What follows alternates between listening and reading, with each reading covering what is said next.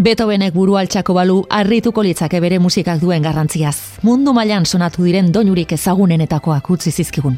Sekula ez hautsi isiltasuna, hobetzeko ezpada, esaten omen zuen, eta horretan alegindu zen, bere bizitza guztian, dakigun bezala isiltasuna urtetan nozitu zuen genio gorra. Mila zazpireun da irurogeita marrean jaio zen partitura bat eskuan, bon iria koloniako hartzapezpiku barrutiaren zen garaian. Erromatar Germaniar imperio zaindua deitu zenaren azken urtetan. Historio gileak bat atoz, haurtzaro gogor eta tristea izan zuen. Aita Johan musikari kaskarra eta alkolikoa zen.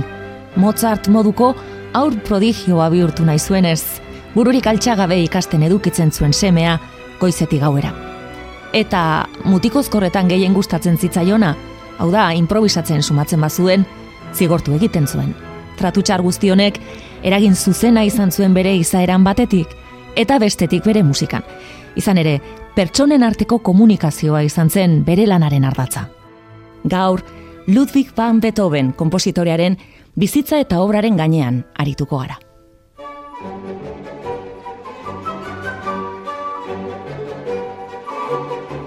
Hemezortzigarren mende amaieran musikari dagokionean idolo handi bat zegoen Europan, Mozart, eta Ludwigek mirestu egiten zuen.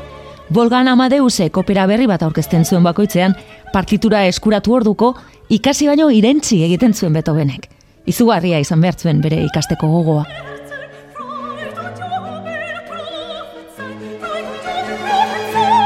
Austriako Maximilian Franz artxidukea, hau da emperadorearen semea izan zen, Beethovenen lehen mezenasetako bat.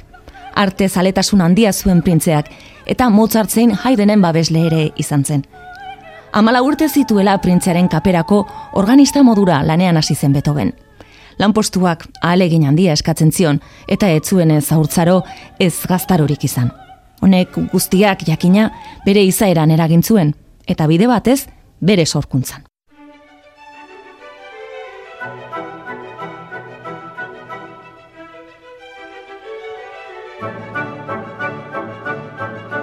Amasei urterekin Beethovenek bere bizitzako ilusioa bete zuen, bien ara joatea.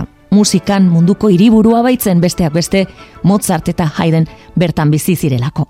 Bienan gainera, Mozartekin elkartzea lortu zuen.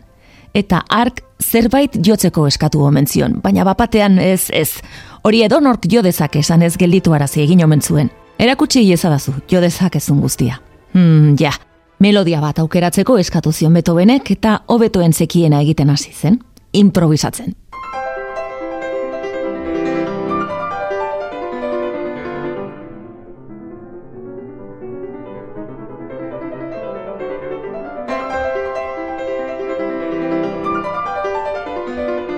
Ludwig maitea egunen batean munduak zuta hitz egingo du, esan zion Mozartek.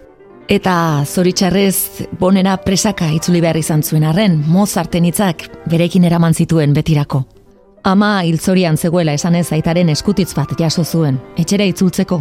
Eta Beethoven entzat tragedia bikoitza izan zen, bosturtean ez baitzuen bien ara berriz joaterik izan. Eta itzuli zenerako Mozart hilda zegoen.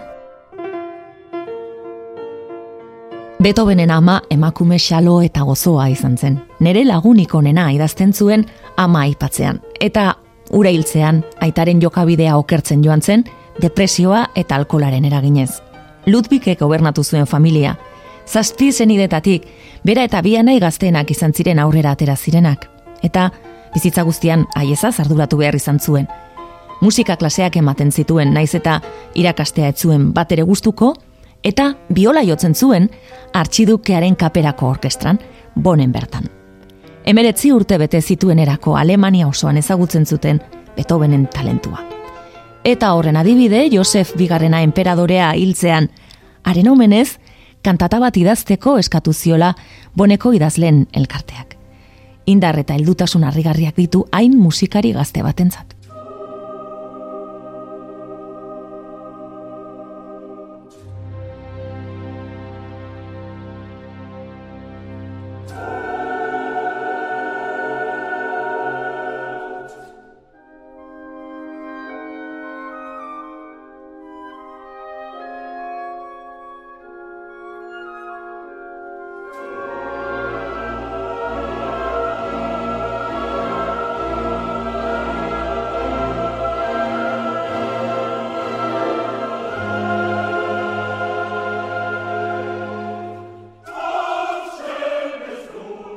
Josef Bigarrenaren eriotzerako kantata, boneko kaperaren orkestrak jotzeko idatzi zuen berez, baina zailegia zen, batez ere aize instrumentu entzat, eta etzen sekula jendaurrean jo.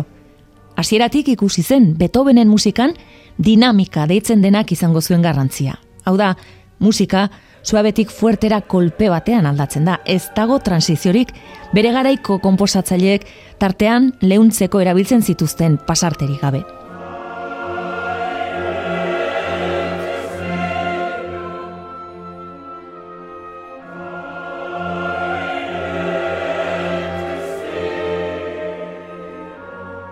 Arlo politikoan, iraultza frantzesak markatu zuen Beethovenen garaia. Mila zazpireunda laurogeita mabiko abuztuan Frantziako erregea espetxean sartu zuten. Gogoratu, Luis Amasei garrena, gilotinan hil zutela eta handi gutxira bere emaztea Maria Antonieta.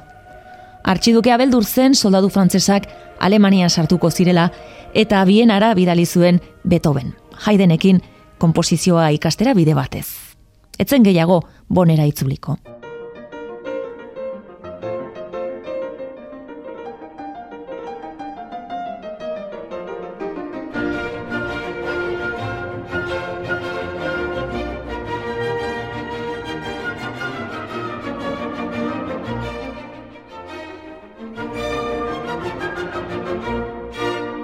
Biena toki zoragarria zen musikari gazte batentzat. Europako hiri jendetsuena zen garai hartan, berreunda berrogeita amar mila biztan lezituen, bonek aldiz amar mila besterik ez, eta Austriako hiriburuak ongi pasatzeko modurik eskaintzen zuen, plazerra eta dibertsioa nahi zituen. Festa eta dantzaldiak aukeran, eta musika kontzertuak noiz nahi, noble aberatzen palazio eta etxeetan. Baina jende xearen ere izaten zen zer entzun eta zer ikusi kalean, ala nola, malabaristak, akrobatak, musikariak, animali eksotikoak eta bar. Giro berezi honetan, ze asmo zuen Beethovenek. Hasiera batean ez zuen konposatzaile gisa trebatu nahi izan. Nahiago zuen pianista modura famatu izan. Eta helburu horrekin lehiaketetan konpetitzen zuen beste pianista ezagunekin. Laster lortuz, bestengandik gailentzea. Ludwig van Beethoven!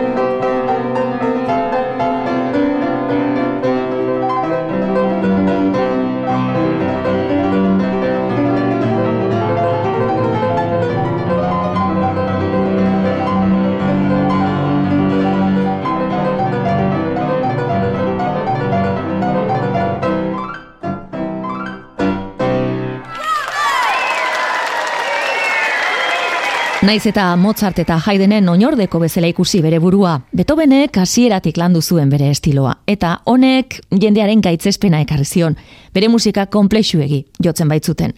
Nerbioak astoratzen zituela, arraro egia zela eta olako perlak entzun behar izan zituen hasieran.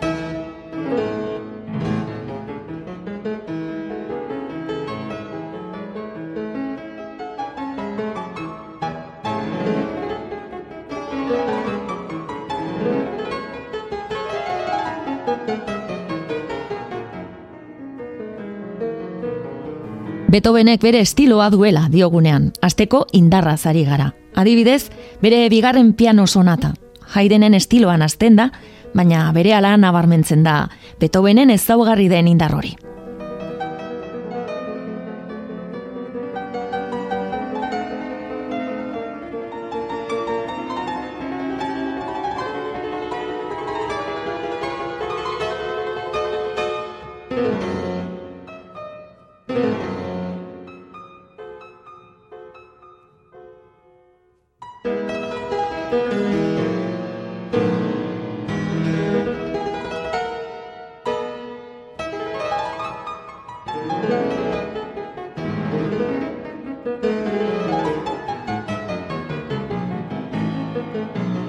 Ezer baino lehen esan behar da, pianorako doinu hauek bere erara jotzeko Beethovenek piano handiagoak eta indartsuagoak behar izan zituela. Eta bitxia da, Anton Geixa kompositoreak bere lagunari buruz kontatzen zuena. Beethovenek alako indarrez jotzen zuela, pianoaren sokak apurtu egiten zirela, eta umorez esaten zuen, lertuta bukatu zuela horriak pasatzen laguntzeko eskatu zion batean. Pianoaren mailuak hautsitako soketan kateatu egiten zirela momentu oro, eta lanpetuta ibili zela arna sartzeko astiri gabe, batzuk askatu sokak lotu partiturarekin eskuba botatzen zion bitartean. Baina Beethoven etzen soilik pianista. Gaztetan, konposatu izan zituen pianori gabeko ganbera musika doinuak. Mila zazpireun eta laurogeita amabostean esaterako, bienako gedunten za lareto ospetsuan egiten zen dantzaldirako musika eskatu zioten. Ah, eta honezkero imaginatuko duzue, Beethoven dantzari eskasa zen. Konposatu hankazpiz egiten zuen, baina dantzarako ez zuen errestasunik.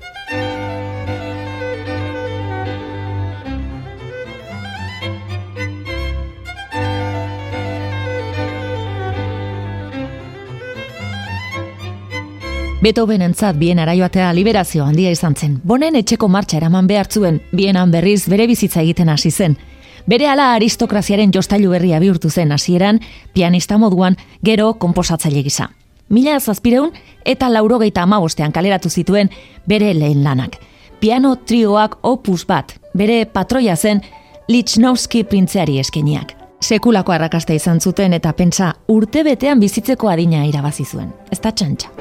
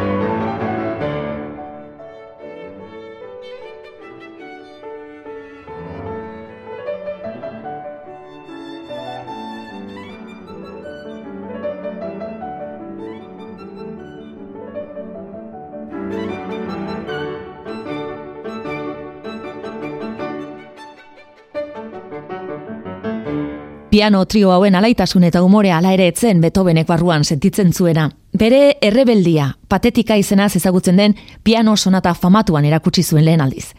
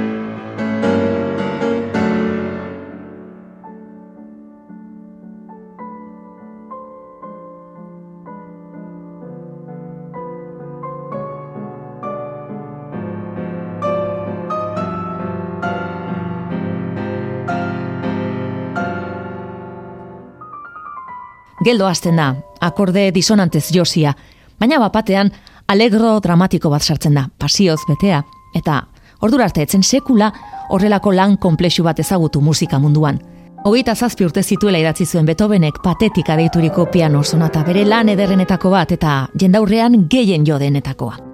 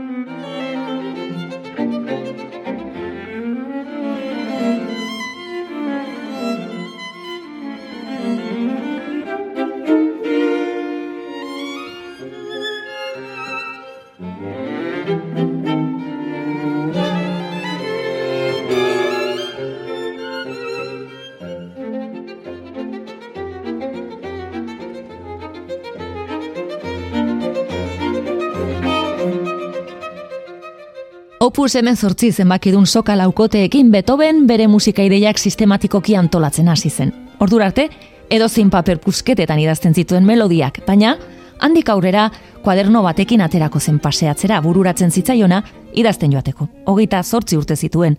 Eta ordutik, txukunagoaz gain, bere musika komplexuagoa eta landuagoa izango zen.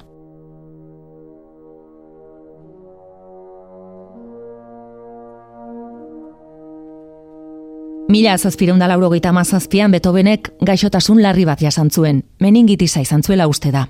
Entzumen arazoekin hasi zen. Hitz egiten ziotenean, soinuak entzuten zituela esaten zuen, baina ez zituela hitzak ulertzen. Medikuek ez zioten garrantzirik eman, argizaria izango zuela belarrian pentsatu zuten, eta laster pasako zela, baina ez zuen entzumena berreskuratu alderantziz. Goia ere, adibide bat jartzearen, gorra geratzen joan zen, eta mundutik urrutiratzen baita ere, baina Beethoven musikaria zen, eta bere azken urtetan ezin izan zuen instrumenturik jo, zigorriko kerrena, kompositore handienetako bat izan zen arentzat. Mila zortzireun dabian, Beethovenek Heiligenstadt testamentua idatzi zuen, bien handagoen Heiligenstadten idatzia Karl eta Johan bere anaiei zuzendua. Bere desesperazioa eta bere buruaz beste egiteko izan zituen asmo eta zitze egiten die, baina etzien sekula eskutitza bidali, gorde egin zuen beti, eta mila zortzireun da hogeita zazpian hiltzenean bere paperen artean aurkitu zuten. Eroika sinfonia izan zen, Heiligenstadt testamentuaren ondoren konposatu zuen lehen lana.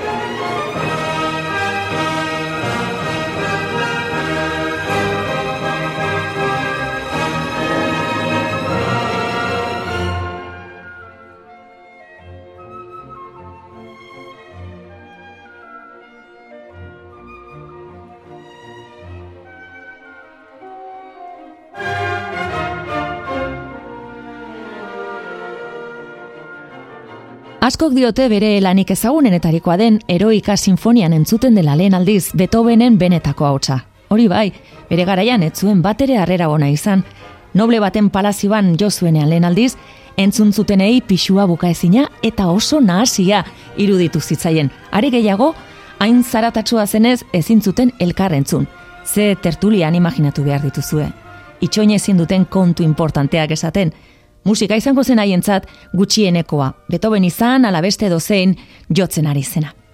Kritikoak bai, berehala konturatu ziren maixulan baten aurrean zeudela. Pieza oso simplez osatua zegoen, baina osotasunean izugarria zen. Eroika sinfoniakia ordu bete irauten du, eta lehen zatia bakarrik Mozarten sinfonia oso bat bezain luzea da.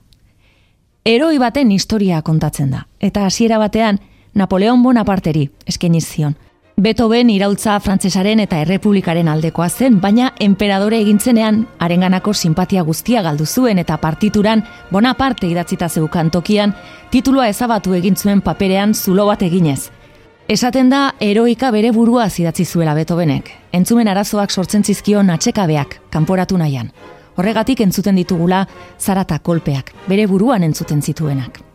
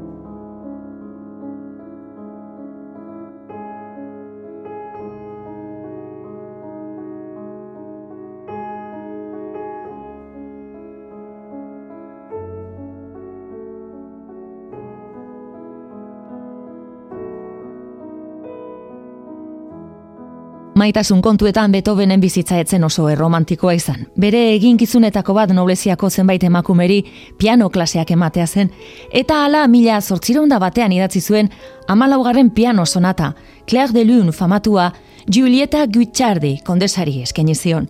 Skutitz batean Beethovenek maite minuta dagoela etortzen du.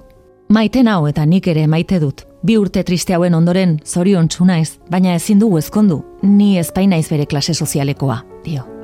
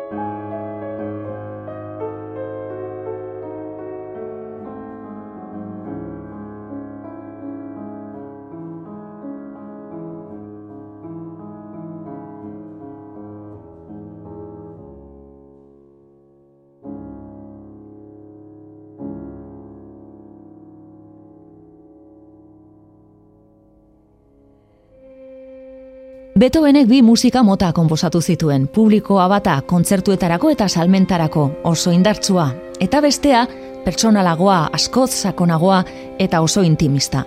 Bere arazoez hitz egiten zuena eta esparru pribatuan jotzeko sortua. Era honetakoak dira bere sokalaukoteak.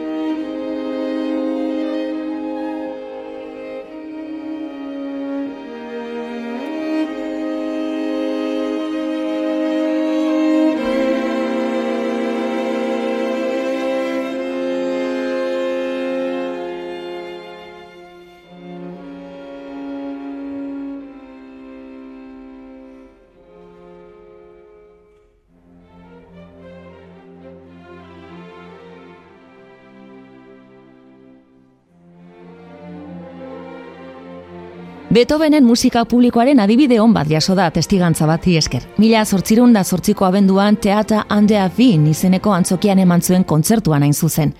Azteko programak lau ordu irauntzuen eta bertan aurkeztu zituen beste batzuen artean, bosgarren eta seigarren sinfoniak, laugarren piano kontzertua, fantasia korala eta improvisazio bat Beethoven berak bakarka jota.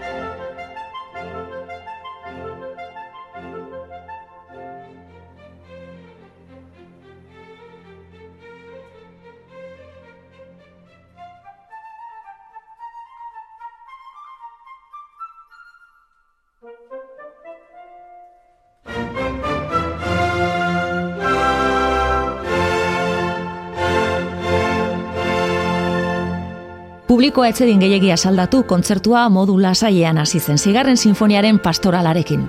Luis Spock musikaria bertan zegoen eta bere hitzetan dakigu gertaeren berri. Beethoven, laugarren piano kontzertua zuzentzen hasi zen, pianistaren eserlekutik bera baitzen solista, eta alako batean salto bat emanez orkestra zuzentzeko zutitzean piano gaineko bi kandelak bota egin zituen nahi gabe. Publikoa algara batean hasi zen, eta Beethovenek gelditu eta orkestra berriro hasiarazi zuen guztiz haserre. Antolatzaileak hobe beharrez, koruan abesten zuten bi aur Beethovenen aldamenean jarri zituen, kandela banarekin. Zutik jartzean oraingoan sekulako kolpea eman zion aurpegian aurretako bati eta kandela erori zitzaion. Suertez beste umea argibili zen eta makurtzea lortu zuen, aze festa jendearentzat. Urrengoa akordean berriz, seis soka apurtu zitzaizkion pianoari. Gauzak onela, Pianoarekin amaitzean atxeden alia egin zuten eta entzun nola hasi zen bigarren zatia.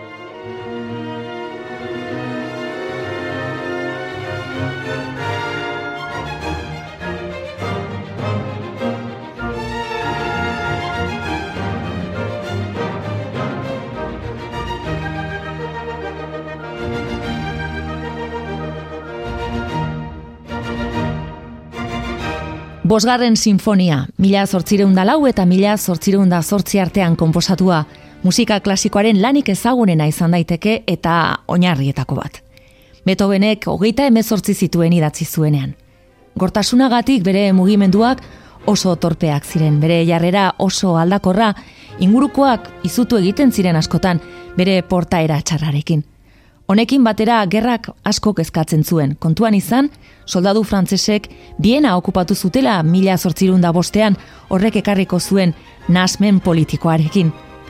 Bosgarren sinfonia iraultzailea da lehen notatik bukaerara. Teknikaldetik hainbat berrikuntza ekarri zituen bai, baina batez ere ordurarte entzungabeko indarra izan zen bere bereiztasun nagusia oso interesgarria da, nola pasatzen den pixkana etenik egin gabe minorretik tonu nagusira, hirugarren eta laugarren mugimenduen transizioan,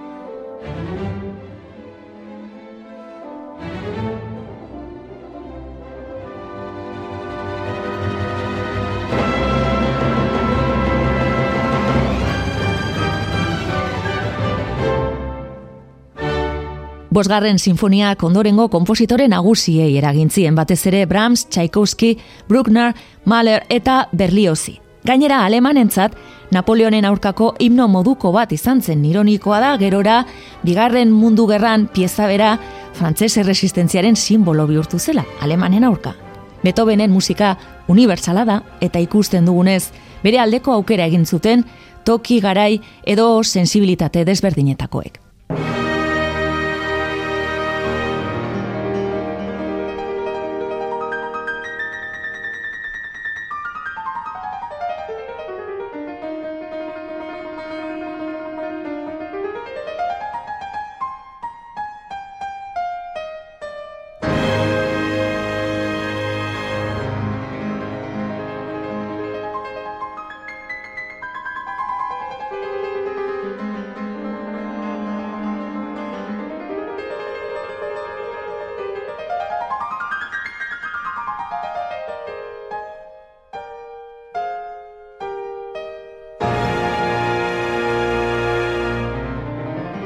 Teata handea bingo kontzertuaren ondoren beste maixulan batekin hasi zen lanean. Bosgarren piano kontzertua emperadorearen deitua.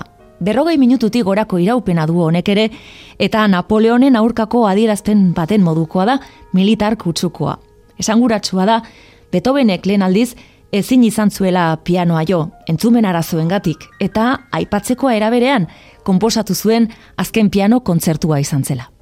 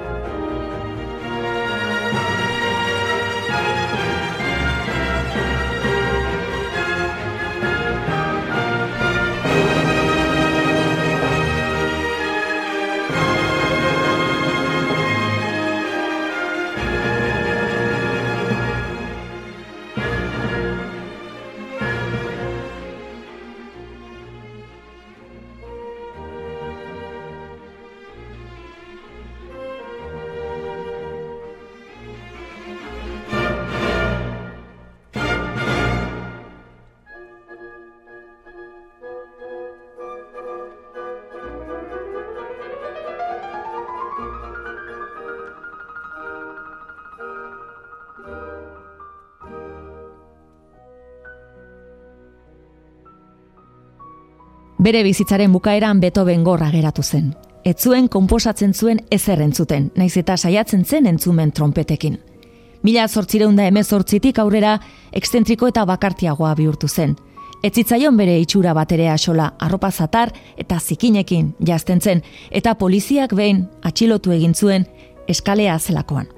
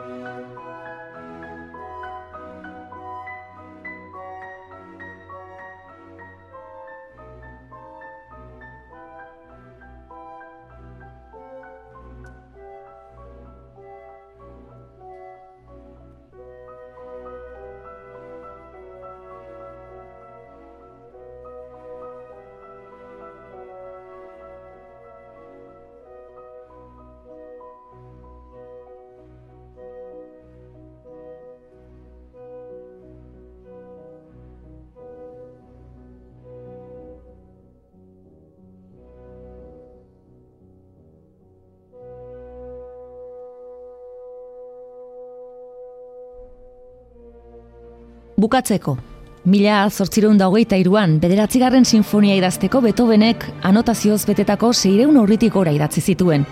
Gaztetatik zuen Schillerren alaitasunaren oda musikatzeko gogoa, baina ez zuen melodia egokia asmatzen.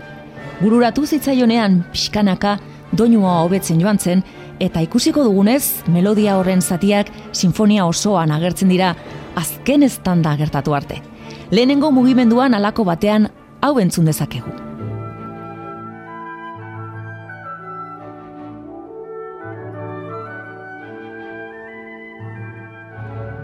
Bigarren mugimenduan dator hau.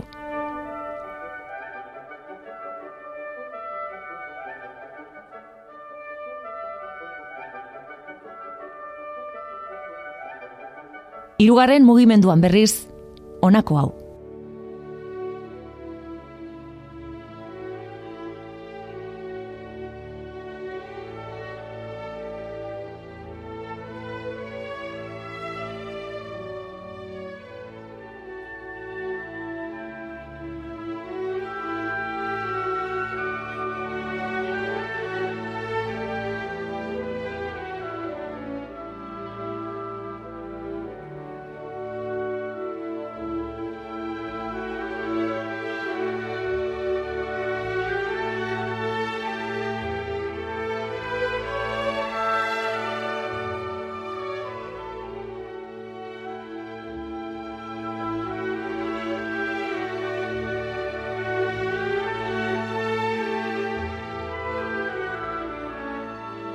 Eta azkenik, azken mugimendu koralean, aurreko ideia guztiak bat datoz, Schillerren oda zoragarrian, alaitasunaren oda.